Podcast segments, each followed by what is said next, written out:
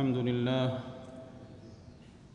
من على من شاء بنعمة العقل وأكرم أحمده على ما أسبغ وأجزل وأنعم وأشهد أن لا إله إلا الله وحده لا شريك له شهادة تهدي إلى الطريق الأقوم وأشهد أن نبينا وسيدنا محمدا عبده ورسوله المخصوص بجوامع الكلم وبدائع الحكم وودائع العلم والحلم والكرم صلى الله عليه وعلى آله وصحبه وسلم.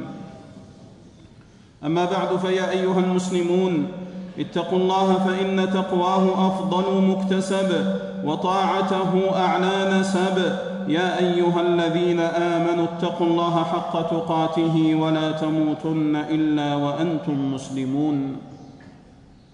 أيها المسلمون العقل موطن التفكير. العقل موطن التفكير ومحل التدبير. ومناط التكليف وعلامة التشريف. وسمي العقل عقلا لأنه يمنع صاحبه عن التورط في المهالك ويحبسه عن ذميم القول والفعل ويحجره من التهافت فيما لا ينبغي. وما اكتسب المرء مثل عقل يهديه إلى هدى أو يرده عن ردى. وأصل الرجل عقله وحسبه دينه ومروءته خلقه. وقيل العقل أفضل مرجو والجهل أنكى عدو. وقيل خير المواهب العقل خير المواهب العقل. وشر المصائب الحمق والجهل. وآية العقل سرعة الفهم. وقوته العلم وقوته العلم ومداده طول التجارب. وملاكه الشرع ونوره الدين. والعقل لا يهتدي إلا بالشرع. والشرع لا يدرك وتفهم مقاصده إلا بالعقل. لا يستقل العقل دون هداية. لا يستقل العقل دون هداية. بالوحي تأصيلا ولا تفصيلا. وإذا النبوة لم ينلك ضياؤها فالعقل لا يهديك قط سبيلا. نور النبوة مثل الشمس للعين البصيرة فاتخذه دليلا.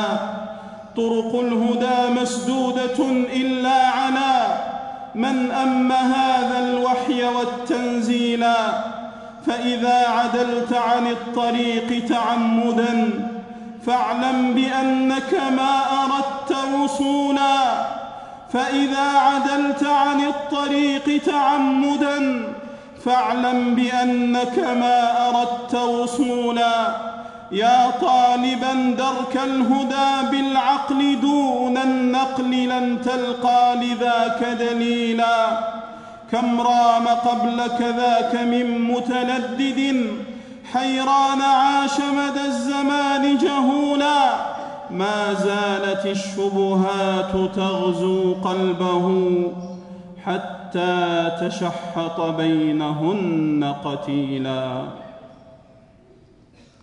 وقال سفيان بن عيينة رحمه الله تعالى ليس العاقل الذي يعرف الخير والشر ولكن العاقل الذي يعرف الخير فيتبعه ويعرف الشر فيجتنبه.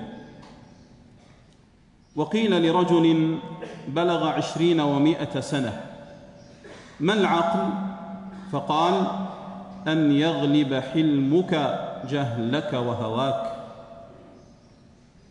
وسئل أعرابي أي منافع العقل أعظم؟ قال اجتناب الذنوب. وقال أبو حاتم أفضل ذوي العقول منزلة أدو أدومهم لنفسه محاسبة.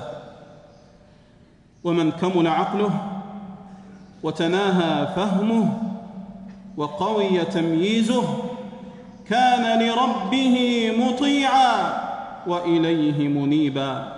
وبقدر عقله تكون طاعته وعبادته.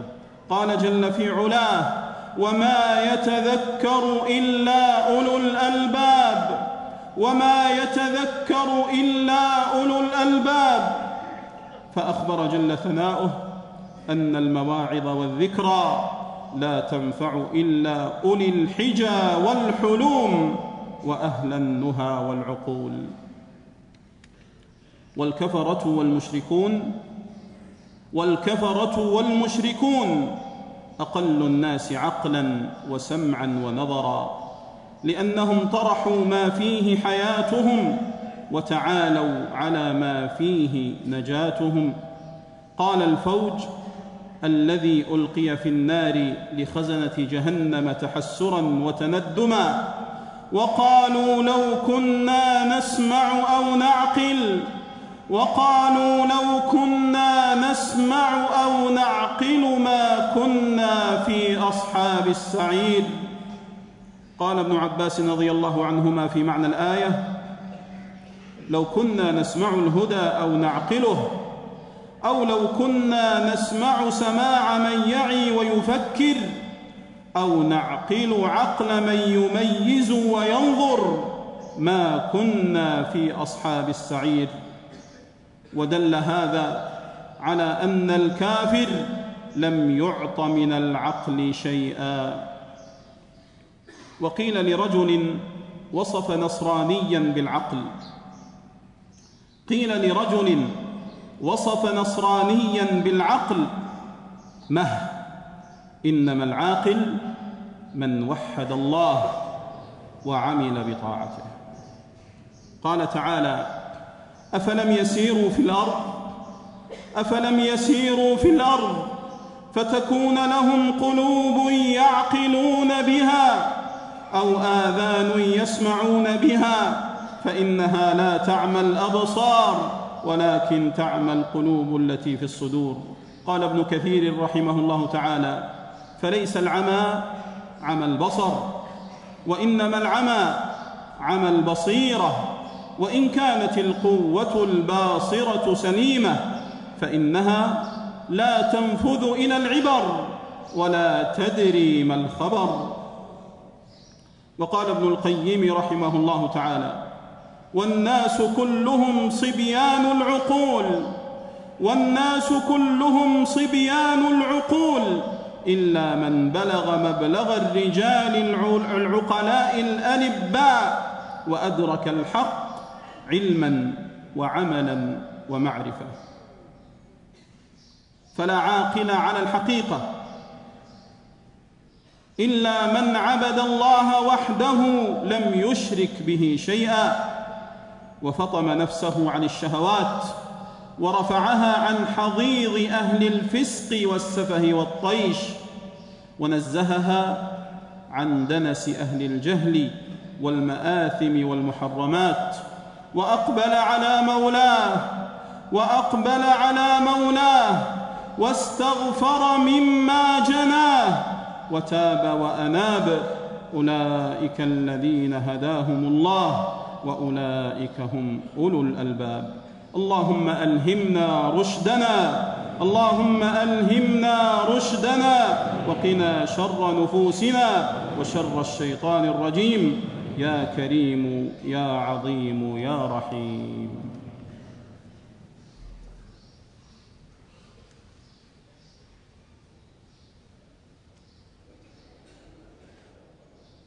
الحمد لله على عظيم نعمائه والشكر له على كريم عطائه وأشهد أن لا إله إلا الله وحده لا شريك له لا يفتقر من كفاه ولا يضل من هداه. وأشهد أن نبينا وسيدنا محمدا عبده ورسوله خاتم أنبيائه وخير أصفيائه. صلى الله عليه وعلى آله وأصحابه وعلى من أقام من أمته على سنن الحق إلى يوم الدين. أما بعد فيا أيها المسلمون اتقوا الله وراقبوه وأطيعوه ولا تعصوه. يا أيها الذين آمنوا اتقوا الله وكونوا مع الصادقين. أيها المسلمون الحمق ضد العقل. ونقيضه بل وفساده.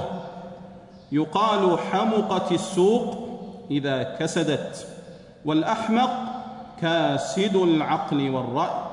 قال بعض الحكماء يعرف الأحمق بست خصال الغضب من غير شيء والإعطاء في غير حق والكلام في غير منفعة والثقة بكل أحد.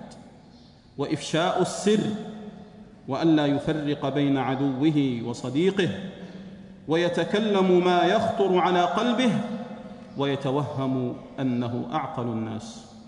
وقيل في الأحمق إن تكلم عجل وإن تحدث وهل وإن حمل على القبيح فعل. وعلامة الأحمق الخفة والطيش والجهل والفحش والسفاهة والصلف والعجب والغفلة والتفريط والضياع والخلو من العلم والخلو من العلم ومعاداة الأخيار ومخالطة الأشرار ونقل الأخبار دون تثبت وكثرة المراء وكثرة العداوات والخصومات لا يعرف لمن فوقه قدرا. لا يعرف لمن فوقه قدرا. ولا يأمن من يصحبه غدرا.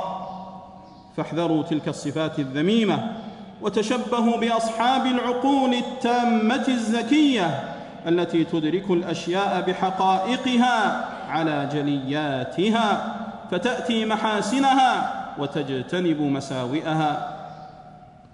احذروا سبيل أهل العقول التائهة الحائرة الغافلة الذين قال الله عنهم إن شر الدواب إن شر الدواب عند الله الصم البكم الذين لا يعقلون. ثم صلوا وسلموا على أحمد الهادي شفيع الورى قرا فمن صلى عليه صلاة واحدة صلى الله عليه بها عشرا. للخلق أرسل رحمة ورحيما. للخلق أرسل رحمة ورحيما. صلوا عليه وسلموا تسليما.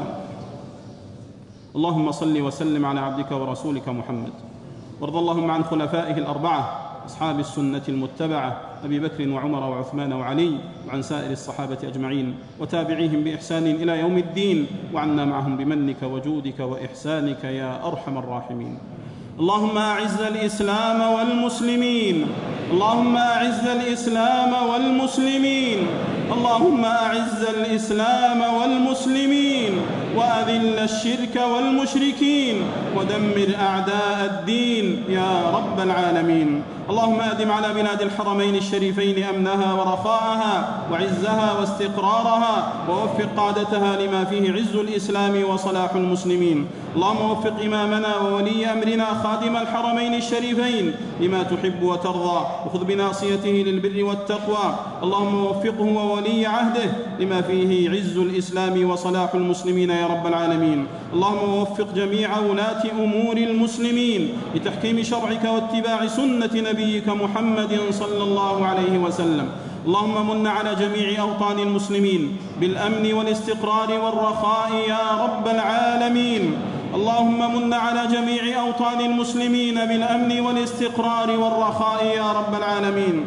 اللهم انصر أهلنا في فلسطين. اللهم انصر أهلنا في الشام. اللهم انصر أهلنا في بورما. اللهم انصر أهلنا أهل السنة والجماعة في كل مكان يا رب العالمين. اللهم انصرهم على المشركين الوثنيين الخرافيين يا رب العالمين. اللهم اشف مرضانا. وعاف مبتلانا وارحم موتانا وفك أسرانا وانصرنا على من عادانا يا رب العالمين. اللهم اجعل دعاءنا مسموعا. اللهم اجعل دعاءنا مسموعا. ونداءنا مرفوعا. يا سميع يا قريب يا مجيب.